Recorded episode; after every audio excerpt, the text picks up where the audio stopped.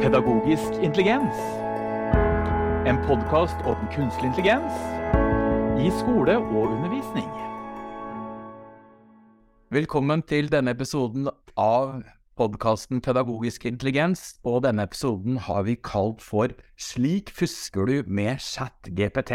Og jeg er så heldig å få med meg kollegaen min Espen Widberg. Velkommen. Tusen takk. Espen er instituttleder for Institutt for pedagogikk og IKT og læring på Høgskolen i Østfold, på lærerutdanninga. Og Espen, du er en av de jeg kjenner som har lengst erfaring med å bruke ChatGPT. Og nå tenkte jeg vi skal skru klokka tilbake i tid. Når denne podkasten lages, så har ChatGPT omtrent eksistert i 75 dager. Men la oss gå tilbake i tid, til overgangen november-desember 2022. Eh, og da er det sånn at 30. november 2022 så blir ChatGPT en åpen versjon som alle lærere og personer i verden har tilgang til. Den blir publisert offentlig. Når oppdager du, og hvordan, Espen, oppdager du ChatGPT første gangen? Eh, jeg ble vel eh, klar over den 9. desember, og da gjennom oppslag i Krono og andre riksdekkende medier, at nå er det kommet et eller annet som eh, kan besvare eksamensoppgave på en, på en god, god, måte. Og da ble jeg klar over. Hva er første tanken som slår deg da? At uh, Altså Umiddelbart så var det jo ulike eksperter som var ute og som mente det litt forskjellig om kvaliteten på dette her. Så min første innskytelse var at dette må jeg prøve, dette må jeg vite noe om. Eh, jeg har jo en Grunnleggende er jeg veldig nysgjerrig på den typen, eh, typen verktøy. Um, både av eh, sånn hvordan det kan benyttes til læring og, altså i skole og i høyere utdanning, eh, men også i egen arbeidshverdag. Altså hvordan gjøre egen arbeidshverdag lettere. Eh, men ser instituttlederen Espen Wiberg noen utfordringer? Eh, det bruken av dette her? Ja, jeg gjorde jo det, da. For jeg begynte jo å lure på om, om eh, kan denne her besvare våre eksamensoppgaver? Uh, og vi benytter jo, har jo et stor variasjon av typen eksamensoppgave ved Høgskolen i Østfold. Og en av de vi bruker, det er, er hjemmeeksamener. Sånn at uh, det jeg gjorde da, var jo å skynde meg å undersøke hvilke emner er det som veldig snart uh, har innlevering av hjemmeeksamener, og fikk uh, vite om et par. Og så tok jeg kontakt med, med eksamenskontoret på fredagen. Um, og hadde litt mailutveksling i løpet av, av helgen. Uh, og uh, hvor jeg fikk på søndag kveld en beskjed om at ja, de skulle prøve å få det til, slik at jeg kunne levere en eksamensoppgave på mandag uh, klokken tolv. og da snakker vi også om at de sensorene som skulle levere denne, denne eksamensoppgaven på et, et, et masterfag, ikke skulle vite om at Eh, det var du og GPT som hadde levert denne eksamen. Ja da, jeg fikk uh, laget en fiktiv uh, student og fikk et uh, eksamensnummer som jeg satte på, på, oppgaven. Og så satte jeg meg da på søndag kveld og så brukte et par timer på, på å lage en eksamensoppgave. Og jeg kan jo fortelle litt om, om den. Ja, det var den prosessen vi er veldig spent på. da. Hvordan, hvordan gikk du fram? Ja. Uh, altså, temaet for, for, denne her var, var uh, altså at man skulle uh, Eksamensoppgaven var utformet slik at man kunne ta utgangspunkt i en selvvalgt problemstilling ut fra et av hovedområdene i emneplanen. Og da gikk jeg for det første som sto der, og der var tema rådgivnings-, veilednings- og innovasjonsprosesser. og så uh, lagde jeg en uh, problemstilling, og det var uh, hva er forskjellen mellom spesialpedagogisk rådgivning og spesialpedagogisk veiledning, og hvordan kan de sammen bidra til å støtte brukere med behov for spesialpedagogisk hjelp. Um, og jeg så på noen av vurderingskriteriene, um, og tenkte jeg skulle fortelle om noen av dem som jeg tenker er ganske relevante. Og det er jo at du skulle kunne analysere og drøfte eh, veilednings-, rådgivnings- og innovasjonsprosesser i et spesialpedagogisk perspektiv. At man skal være kritisk og utviklingsorientert eh, i forhold til praksisfeltet, ved å knytte dette til teorigrunnlaget i studiet, eventuelt til resultat og funn fra feltarbeidet. Eh, og at man skulle vise eh, innsikt i og forståelse for hvordan veiledning, rådgivning og innovasjon er forankret i spesialpedagogisk virksomhet, altså gjennom relevante lover og retningslinjer. Uh, og så En liten sånn disclaimer er jo at jeg, jeg har en viss uh, forforståelse for dette. Jeg har jobbet innenfor det spesialpedagogiske uh, feltet i mange år, men jeg har ikke studert dette her. Og jeg hadde ikke Du har ikke, følt, du har ikke følt dette studiet? Du har ikke lest uh, pensumet nødvendigvis som dette faget har forhånd? Nei, jeg hadde ikke lest noen av uh, pensumbidragene og ikke sett en uh, vært i en eneste forelesning. Uh, men altså, jeg hadde en viss hypotese om at det er det er forskjell på rådgivning og veiledning, men jeg kunne ikke helt redegjøre for, for den. Og så satte jeg meg noen sånne regler på forhånd da, for forsøket som jeg skulle, skulle overholde. Og det, de to reglene jeg satte, var at jeg kunne selv lage en, en dårlig innledning og en intetsigende konklusjon, i tillegg til å samle kildelisten. Og med det så mener jeg at det, skulle liksom ikke være det meningsbærende som kom i innledningen eller i konklusjonen. Uh, og neste regelen var at resten av denne oppgaven den skulle være copy-paste, uh, og inklusive kilder i løpende tekst. Og jeg skulle unngå, for det, det, det jeg tenkte som en av de store sånn uh, som kanskje ville være ehm, Eller en god, god, måte å bruke ChatGPT på, ville jo vært å ta et utgangspunkt i tekst du får derifra, og så jobber du med overgangene osv. Det, det skulle jeg ikke gjøre hadde jeg bestemt meg for. Jeg skulle ha en så clean test som mulig. Um, og sånn som jeg gikk fram her, da, så, så um, stilte jeg den noen generelle spørsmål for å få et overblikk over det temaet jeg hadde valgt.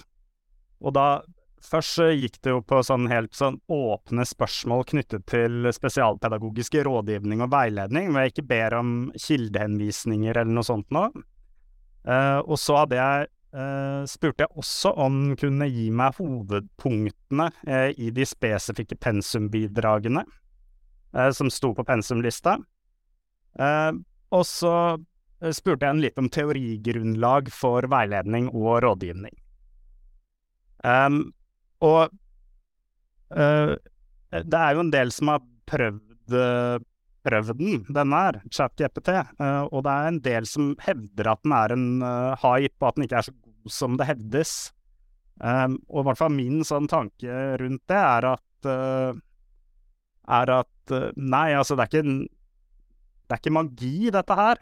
Den har sine begrensninger, men det er ofte også uh, en del undervurdering av hva du kan få til Eh, basert på at folk har bare gått inn og så har de stilt et kjempekomplekst spørsmål og ber den om å bruke kilder, eller ber den om å gi deg en hel eksamensbesvarelse i, i ett. For det er noe som ble trukket fram, Espen, at den er så veldig dårlig på kilder. Ja. Det, det følte du fungerte greit, da, eller? Ja, og det føler jeg for så vidt har fungert greit, fordi at uh, det, det, jeg tenker er um, Det som er uh, jeg tenker er viktig å ha med seg, er jo at den har en form for kortsiktig minne. Um, og det kan jo påvirke hvilke svar den gir til lignende spørsmål i en samtale. Uh, noe som betyr at når jeg sitter og fòrer den, og ber den om å hente ut hovedpunkter fra disse pensumbidragene, så er det med på å forme de neste svarene den gir. Sånn at jeg er med på å gi den korrekte kilder som skal bruke eh, videre. Ja, Mata du vil titler eller lenker til eller filer? Hvordan mata du ChatGPT? jeg matet den ved å spørre om uh, konkrete titler av de og de forfatterne. Um, sånn at, uh, og så fikk den, og de fleste pensumbidragene uh, kunne den hente ut hovedpunktene fra. Et par var det, visste den ikke noe om. Um, så du legde på en måte inn litteraturlista og sa bruk disse som utgangspunkt for referanser? Uh, ja, men ikke så, så uh, Ja, i praksis så er det jo på en måte det jeg gjorde, men jeg var med å skape en type kontekst uh, som er skapt i den Altså som er i akkurat den samtalen. Ved at jeg gir jo den da uttrykk for det er disse tingene, og innenfor dette jeg er interessert i um, i dette, og at sånn at da finner den ikke Den finner noe annen eh, pensum, eh, eller noe annen eh, faglitteratur også, men holder seg ganske godt, godt til det. Så, at du har, har, din faglighet og kunnskap om temaet, er jo da i sånn scene viktig i, når du setter disse rammefaktorene, da. Uh, ja, og jeg tenker det er det, det, som er viktig med det, er jo at du vet hva um, Altså akkurat i dette tilfellet så har jeg som sagt ikke lest eh, Jeg har ikke lest pensumbidragene på forhånd, men, um, men jeg vet Jeg kjenner fagbegreper. Uh, jeg vet uh, litt hva som er interessant, sånn at jeg får den sånn sett til å um, um, Ja, altså det Sånn at jeg, jeg, vet hvordan jeg skal spørre den videre for å utdype det jeg ønsker at den skal si noen ting om. Um, og så tenker jeg at det er, det er litt um, Det som er interessant, er jo det lille minnet som er. Det, det holdes jo inni den ene samtalen. sånn at hvis du starter en ny samtale med ChatGPT, og så går rett på der hvor du var tidligere uten å ha laget den konteksten, så vil du ikke få samme svaret. Nei, så kan du kommer i skade for å cleare a conversation, så måtte mm. du starte på nytt igjen. Eh, ja. Men vi vet jo at eh, hvis du ikke clearer conversation, så blir jo den liggende borte til venstre i chat-GPT, så du kan gå tilbake i den diskusjonen når du vil, egentlig. da. Ja. Uh, og da er du så, Og det, det, er jo sånn Det er jo gjennom de samtalene hvor jeg tenker at du kan trenge dypere ned og, og gjøre det bedre. Uh, også, men det du var inne på med, med kilder, og at den ikke er så veldig god på kilder nødvendigvis, ja, det har jeg også opplevd når jeg bruker den til andre ting og ber den uten at jeg har matet den med. Eh, så har jeg også opplevd eh, at er det er varierende kvalitet, du kan ikke stole helt på den. Eh, den kan finne på, på kilder. Um, sånn Etter at jeg hadde gjort dette her, da, Eh, så, så, tenkte jeg jo litt på en Altså, hvordan skulle jeg gå fram for å svare på, på oppgaven? Og så tenkte jeg ut en type struktur uh, på det. Um, og uh, egentlig en ganske sånn hva skal man si, klassisk struktur på en, på en, en oppgave. Um, altså du har en innledning, uh, du har en del hvor du greier ut, altså sånn en del om rådgivning, eh, utfordring med rådgivning og teorigrunnlag, og det samme for veiledning. Uh, og så, så, hvis man husker tilbake til hva jeg sa om, om vurderingskriteriene, så var det jo et poeng dette er med lover og retningslinjer som regulerer det. Så jeg hadde en del om det. Um, og jeg så at jeg skulle peke på likheter, også forskjeller, um, og drøfting uh, der. Og uh, så ønsket jeg også et praksiseksempel for å illustrere likheter og forskjeller. Og så avslutte med en, med en uh, konklusjon. Og disse delene, sa du Espen, de har du på en måte Du lagde ikke noe overgang mellom temaene. De ble bråe. ja, de ble litt bråe. Eh, jeg hadde, jeg hadde kunnet gjort den bedre ved å skrive det, og litt uh, Hva skal man si Litt repetitivt, uh, noe av det. Altså Hvis man ser på oppgaven, så er det noe som kommer igjen, men samtidig så har jeg jo valgt en oppgave her hvor jeg skal drøfte egentlig noen ganske små nyanser, altså sånn hva er forskjellen på rådgivning og veiledning, um, og hvordan begge deler kan være med å støtte opp under, under uh, for personer med behov for, for uh, tilrettelegging. Um, sånn at uh, Sånn sett så traff jeg nok godt med, med hvilken, uh, hvilken, oppgave, altså problemstilling jeg valgte her, da. Um, etter, etter, at jeg var ferdig med den da, innledende fasen, så gikk jeg jo da mer målrettet til verks. Og noen av de spørsmålene jeg stilte, uh, og hvor da jeg kopierte svaret direkte inn, det var um, om den kunne kan du drøfte likhetene mellom spesialpedagogisk rådgivning og spesialpedagogisk veiledning med kilder i løpende tekst, uh, APA-stil. Um, neste om altså viktigste forskjeller mellom spesialpedagogisk rådgivning og spesialpedagogisk veiledning med kilder i løpende tekst i APA-stil. Um, og så den jeg egentlig var mest uh, fornøyd med, og der måtte jeg jobbe en del med ChatGPT for å få den til å svare, men det var uh, Kan du finne på et fiktivt, konkret praksiseksempel for å illustrere forskjellen mellom spesialpedagogisk rådgivning og spesialpedagogisk veiledning? Og det resulterte i en rørende fortelling om Mari i åttende klasse med komplekse utfordringer og stort behov for både spesialpedagogisk rådgivning og veiledning. Jeg spurte den flere ganger da, Espe. Kan du gi meg et annet eksempel Kan du gi meg et annet eksempel før du fant dette rørende caset, eller? Eh, nei, men det, det, jeg spurte om, var jo om eh, Kan du finne et eh, Altså et praksiseksempel for å illustrere forskjellen? Da får du svaret nei, jeg er en robot eller en AI, jeg er en språkmodell. Eh, og jeg hadde noen helt til jeg kom til akkurat den formuleringen om Um, fiktivt, konkret praksiseksempel.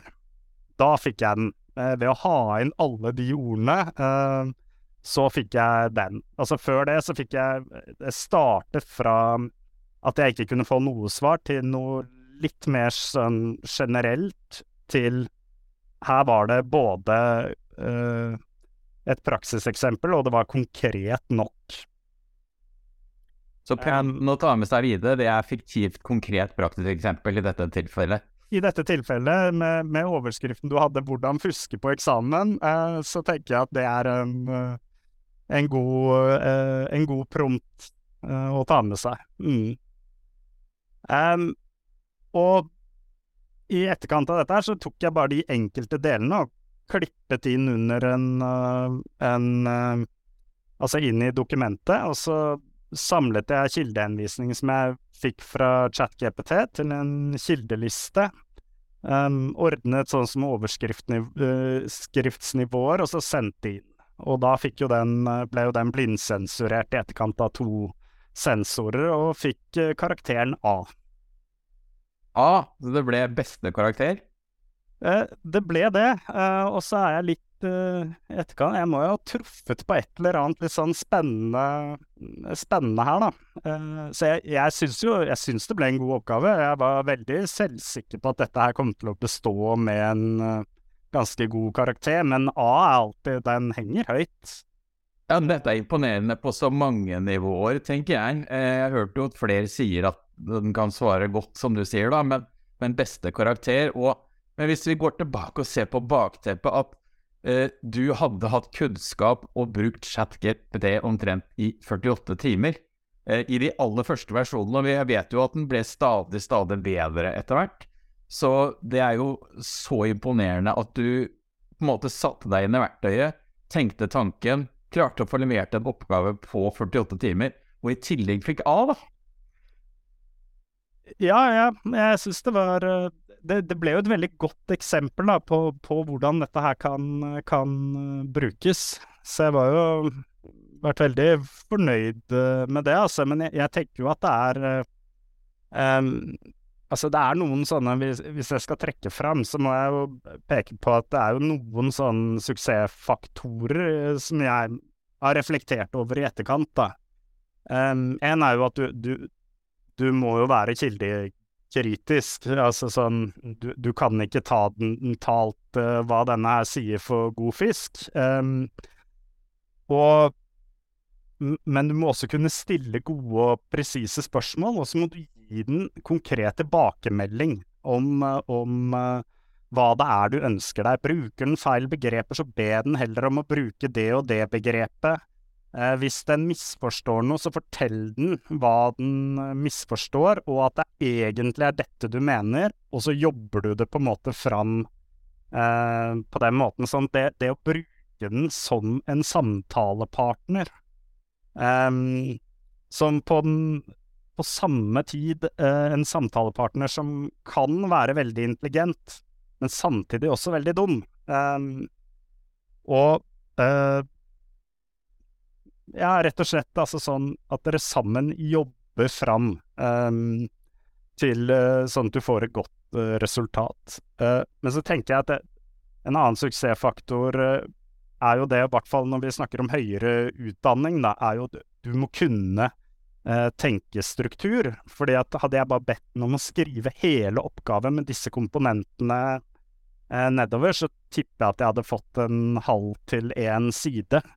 Um, det hadde ikke vært langt nok, det er én ting, og så vil det ikke gå i dybden nok. Men med å bryte det opp i mitt, uh, altså sånn i en type struktur og uh, stille ett og ett spørsmål til, eh, til det, eh, så får du både eh, nok i mengde, men du kommer også i dybden nok til at det blir bra. Og det er jo litt inni dette med å kunne skrive en akademisk tekst.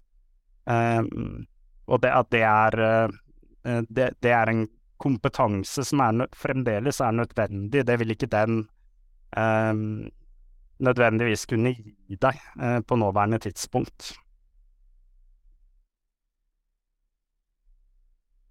Ja, hvis vi skal reflekterer over det, Espen. Eh, noe av målet vårt med, med, masterutdanningene, det er jo å eh, skape forskere og få studentene til å reflektere. Så hvis vi ser bort fra fuskeheten, så, så er jo dette her Jeg tenker jo selv fra et sosiokulturelt perspektiv eh, at her kan du jo ha samtalepartneren og lære sammen med samtalepartneren som faktisk er en maskin. Mm. Det er jo utrolig spennende. Dine refleksjoner, Espen? Nei, altså knyttet til dette her uh, uh, Altså, hvis vi legger til grunn da, altså at det er klart at det er et problem uh, for oss i høyere utdanning eller i skolesystemet at man kan få enten karakter eller studiepoeng uh, uten å ha den forståelsen som vi på en måte har lagt til grunn at du skal ha. Altså, det er et problem. Um, sånn at hva man skal gjøre med vurderingsformer nå framover, det, det, er en, en klar Altså noe vi, vi må se på. Um, og hos oss er jo det altså eksamener eller arbeidskrav uh, underveis. Og så tenker jeg at det, det, er greit å ha med seg at det er, det er jo ingen av våre grader uh, som man kan oppnå kun gjennom uh, hjemmeeksamener eller eksamener med, med, alle hjelpemidler. Vi har jo en bred variasjon av, av arbeidskrav og eksamensformer. Um, Uh, og vi har sånn som fraværsgrenser. Uh, men det som kanskje er litt uh, mer utfordrende, er jo den relative måloppnåelsen til hver enkelt student. At det kan være vanskelig om, å måle dersom vi fortsetter med de samme hjemmeeksamene. Og det tvinger oss jo litt til at vi må tenke nytt, eller gammelt, om vurderingspraksis. Og det er jo et arbeid som vi, har, vi er helt i startfasen av, som jeg opplever alle egentlig er helt i startfasen av. Det er jo, eh, som du var inne på i starten, det er 75 dager siden ChatGPT gikk åpent ut på nett, og dette var noe som ble allment eh tilgjengelig. Og så tenker jeg at vi, vi må jo håpe at vi, vi ikke alle bare løper tilbake til de tradisjonelle formene for vurdering som vi en gang droppet fordi vi, vi tenkte at disse ikke var gode nok. Eh, men at dette kan være med på å starte en diskusjon om hvordan vi helt sånn grunnleggende kan måle det vi ønsker å måle, eller vurdere det vi ønsker å vurdere. Um, og jeg, jeg, tenker jo at det er kun gjennom slike samtaler, det, slike diskusjoner, at vi kan være i forkant av, av teknologien, og ikke bare halse etter den. Um, for det, hvis vi um, hvis vi er for opptatt av å på en måte lure eller finne ut hva akkurat denne A-en her, altså ChatGPT, eh, ikke kan svare på eh, av spørsmål, eh, så glemmer vi også at dette er en teknologi som, selv om den ikke er helt i, helt i startfasen, altså det har vært et forskningsfelt lenge, så er den akkurat kommet, kommet åpent ut, og nå blir den trent på, på veldig mye data og får prøvd seg i praksis. Um, og den vil bli bedre og bedre. Um, når Google kommer med sin, den kommer til å kunne, kunne noen ting som ChatGPT ikke kan, og andre ting som den ikke kan. Um, og vi får jo kanskje også enda en stor utfordrer når denne kommer inn i Bing fra Microsoft, som sannsynligvis også vil være i sanntid. Var det noen utfordring for deg at uh, på en måte ChatGPT, som du lekte med, gikk av internett i 2021 i forhold til svarene du fikk? Um, Nei, ikke denne her, for dette var vel, så vidt jeg husker, ikke et eneste pensumbidrag som eh, var etter 2021. Um, men det er jo eh, klart, altså hvis vi skal litt over på sånn konkrete forslag om, eh, om hvordan man kan tenke på dette med, med vurdering og hva vi uh, har hørt og sånn, så er jo det et av de Altså dette er med dagsaktuelle temaer. Um, og at uh, den ikke er koblet til internett. Uh, sånn at hvis jeg spør den om hvem som er president i Brasil, så sier den uh, Jair Bolsonaro, og ikke Lula, for det, det skjedde etterpå. Uh, men jeg tenker jo at det, er en veldig kortsiktig løsning. Du var jo inne på det at den kommer inn i Bing, sånn at det er jo grunn til å tro at den veldig snart er koblet på nett. Eh, og vil ha oppdatert, eh, oppdatert eh, kunnskap. Sånn at hvis man skal ha en eksamen eller en vurdering neste uke, så kan man vurdere om bruk av dagsaktuelle temaer kan være en innfallsvinkel. Espen, tror du at vi kommer til å gå tilbake til stor grad med skoleeksamener og enten med gjennomslagspapir eller digitale eksamener uten internett uh, våren 2023 på eksamen? Uh, ja, eller ja, jeg tror at det blir en økning av det. Jeg, jeg tror jo ikke at den blir så dramatisk at alle gjøre som til det, men uh, hvis man hører litt rundt, i hvert fall i høyere utdanning, i hva, hva, man nevner, så er det jo flere som, som sier det, at det kommer til å være mer bruk av det. Så ja, jeg tror det. Om jeg tror at det er en god løsning? Nei, jeg tror vel egentlig ikke det. Og i hvert fall ikke sånn Altså hvis vi tenker at vi faktisk skal få vurdert de tingene vi har lyst til å vurdere. En del fremhever jo dette her med at uh, hvis man slenger på en muntlig komponent, at det kanskje kan være en løsning. En, på en måte en en, en å forsvare et skriftlig arbeid. Hva tenker du om det?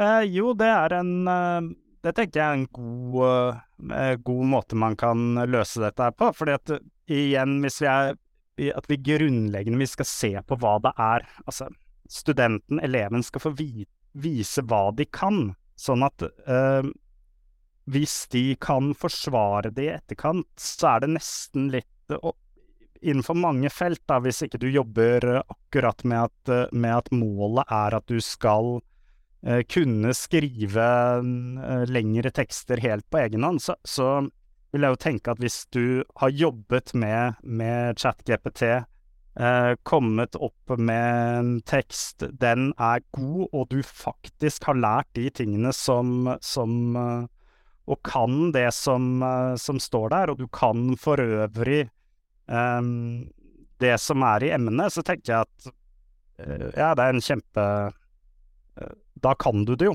Um, og det, det, å bruke mer muntlig, det å forsvare eller ha rene muntlige eksamener, um, er gode løsninger på det. Skal er det jo Jeg vet ikke om vi skal gidde å diskutere kostnadsspørsmål, men det er jo klart at hvis du legger til nye komponenter på det, så vil det bli mer eh, tidkrevende nå. Et annet eksempel jeg har hørt rykter om, Espen, det er at man skal knytte eh, eksamen tettere til praksis. Altså at man må ta utgangspunkt i praks sine egen praksiske erfaringer, da. Mm. Eh, er det noe du har hørt om?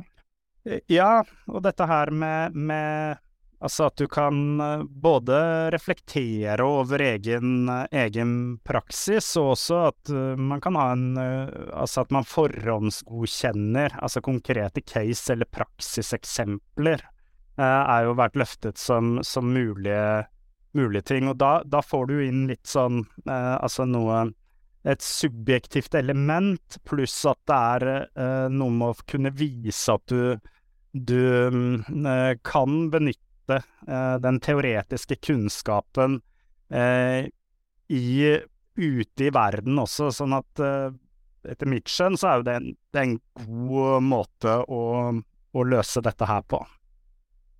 Hvis du spør meg om hva jeg skulle anbefale i forhold til eksamen våren 2023, så vil jo det være refleksjonsvideo. Refleksjonsvideo er egentlig noe jeg starta opp med på Høgskolen i Østfold for en syv-åtte år siden, da vi var veldig få ansatte, og, og, jeg som dyslektiker så for meg en kjempeutfordring med å skulle vurdere 200-300 studenter som leverte inn tisiders refleksjonsnotater. Det var for meg som dyslektiker og veldig dårlig leser, da, så var det nesten uoppnåelig å komme gjennom med. Så da kom jeg fram på til dette her med at man laget et produkt. Man hadde veldig konkrete vurderingskriterier. Og så eh, skulle man lage en refleksjonsvideo. Og, og, det med refleksjonsvideo, den tror jeg stadig har blitt, blitt mer bærekraftig. Eh, vi har nå syv-åtte MOOC-studier som går, og så godt som alle disse MUG-studiene de bruker nå refleksjonsvideo. Og som sensor på disse studiene så syns jeg det ble veldig, veldig transparent, da eh, om man kan det man snakker om eller ikke, om man leser et manus, eller om hva er dette noe man reflekterer på.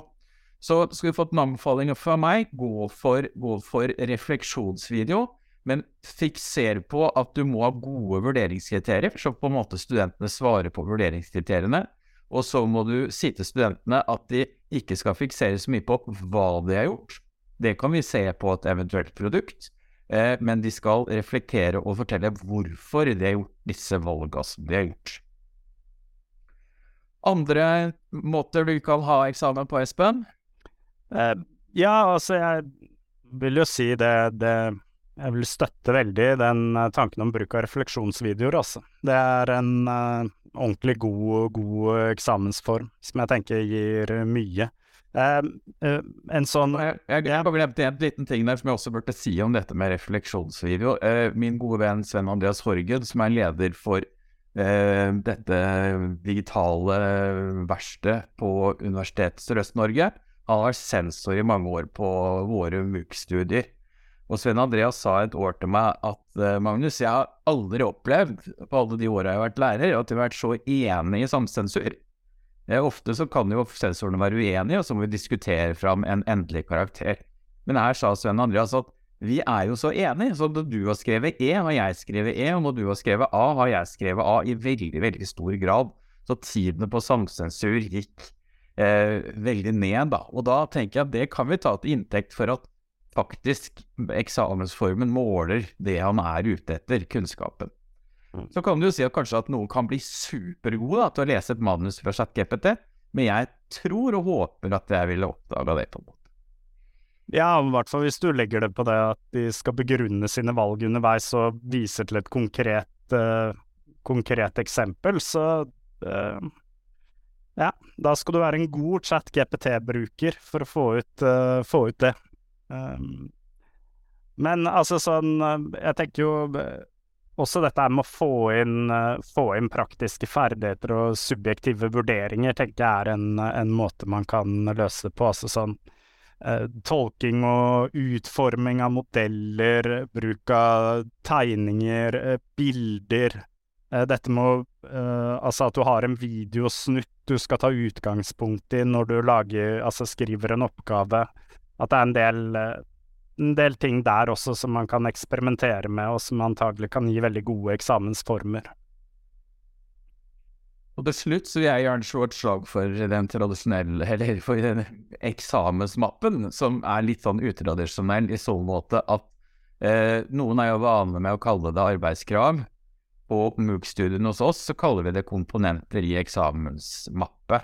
Og det med at studentene må levere noe hver uke, tror jeg er veldig lurt. Eh, som skal på en måte vurderes som et produktsett som én. Altså istedenfor å én eh, ting, er det én innsats der du får din karakter på dette akademiske arbeidet, så leverer du kontinuerlig. Det kan jo selvfølgelig være ressurskrevende. Eh, vi var inne på ressurser i stad, men den, jeg tenker at det er en litt mer er, eh, rettferdig eksamensform, eh, som på en måte vurderer hele prosessen istedenfor sluttproduktet eksamen.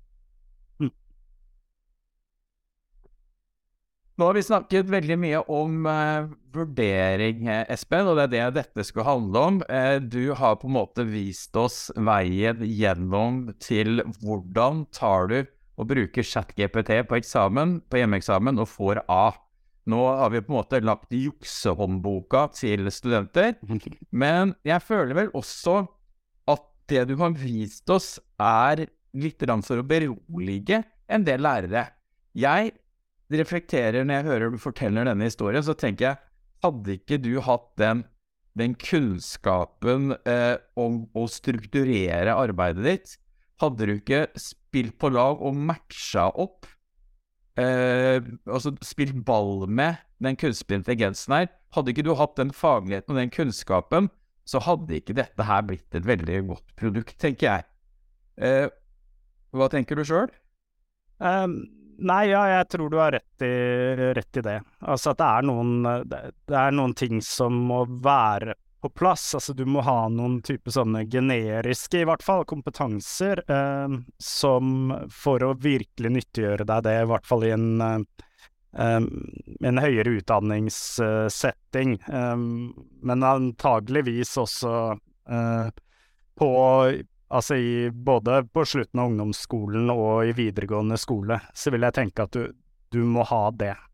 Eh, sånn at én eh, ting er jo om jeg, jeg, tror ikke faren sånn sett er at vi sitter og gir ut for mange A-er eh, på grunn av det nødvendigvis, eh, og i så fall så er det kanskje studenter som ville greid å få en A på vanlig måte sånn eh, for øvrig. Sånn det er jo mer kanskje en fare at noen kommer seg akkurat over en terskel de ikke skulle kommet seg over, og som jeg tenker er en utfordring uh, Kan være en utfordring, da. Spesielt i type profesjonsutdanninger hvor vi gir et stempel i ettertid at uh, når du kan dette her, så Um, altså, de setter stempel at du er en godkjent lærer eller barnehagelærer. Um, men, men, da er vi jo inne igjen også på dette med, med at vi har varierte vurderingsformer. Men, men, helt klart, for å komme tilbake til spørsmålet ditt, for jeg snakket meg helt bort, så eh, Det krever noen type kompetanser, og jeg tenker jo eh, at uh, med en gang vi begynner å få denne typen verktøy, så er vi jo inne på at det er det kommer til å være nye kompetanser som er nødvendig i framtidens uh, arbeidsmarked, uh, framtidens skole, og som jeg håper at vi, vi kommer oss dit hen at vi, vi, kan begynne å gi elevene og studentene de, da.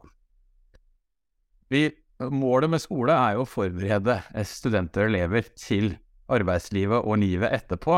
Og jeg tenker jo de, de ferdighetene du viser eh, i dette arbeidet med å lage denne jukseksamen, den er jo en kompetanse jeg tenker at vi må dyrke frem, og den har vi sannsynligvis allerede i neste læreplan.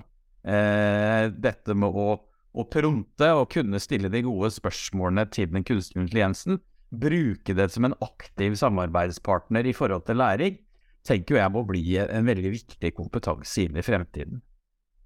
Eh, ja, og det er jo litt i den derre et uh, kronisk vanskelig begrep å bruke på norsk, er jo dette med literacy-begrepet.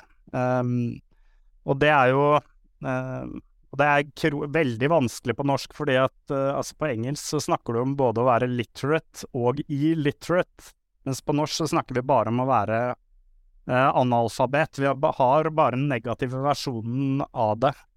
Um, men hvis vi ser på sånn der i tradisjonell forstand, literacy, at det er evnen til å uttrykke oss selv og kommunisere ved bruk av skriftspråk, og så får vi inn uh, dette her med digital literacy, altså sånn hvordan du skal kunne gjøre dette her gjennom digitale enheter, så er vi vel litt der at vi begynner å nærme oss um, Ikke bare at vi begynner å nærme oss, det er kanskje helt um, nødvendig å begynne å snakke om AI-literacy eller KI-literacy.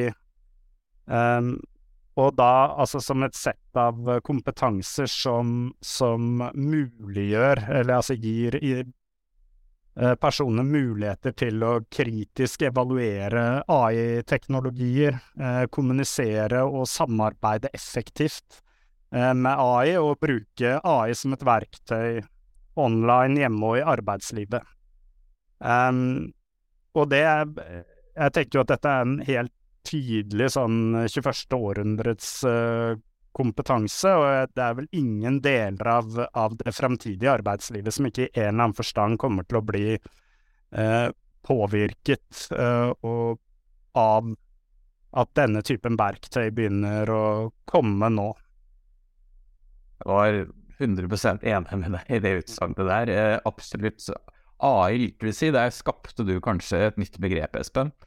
Eh, det siste eh, jeg tenkte i forhold til dette her, det er jo også at eh, masterutdanninger i Norge, eh, det er jo egentlig først og fremst en, en forskerutdanning.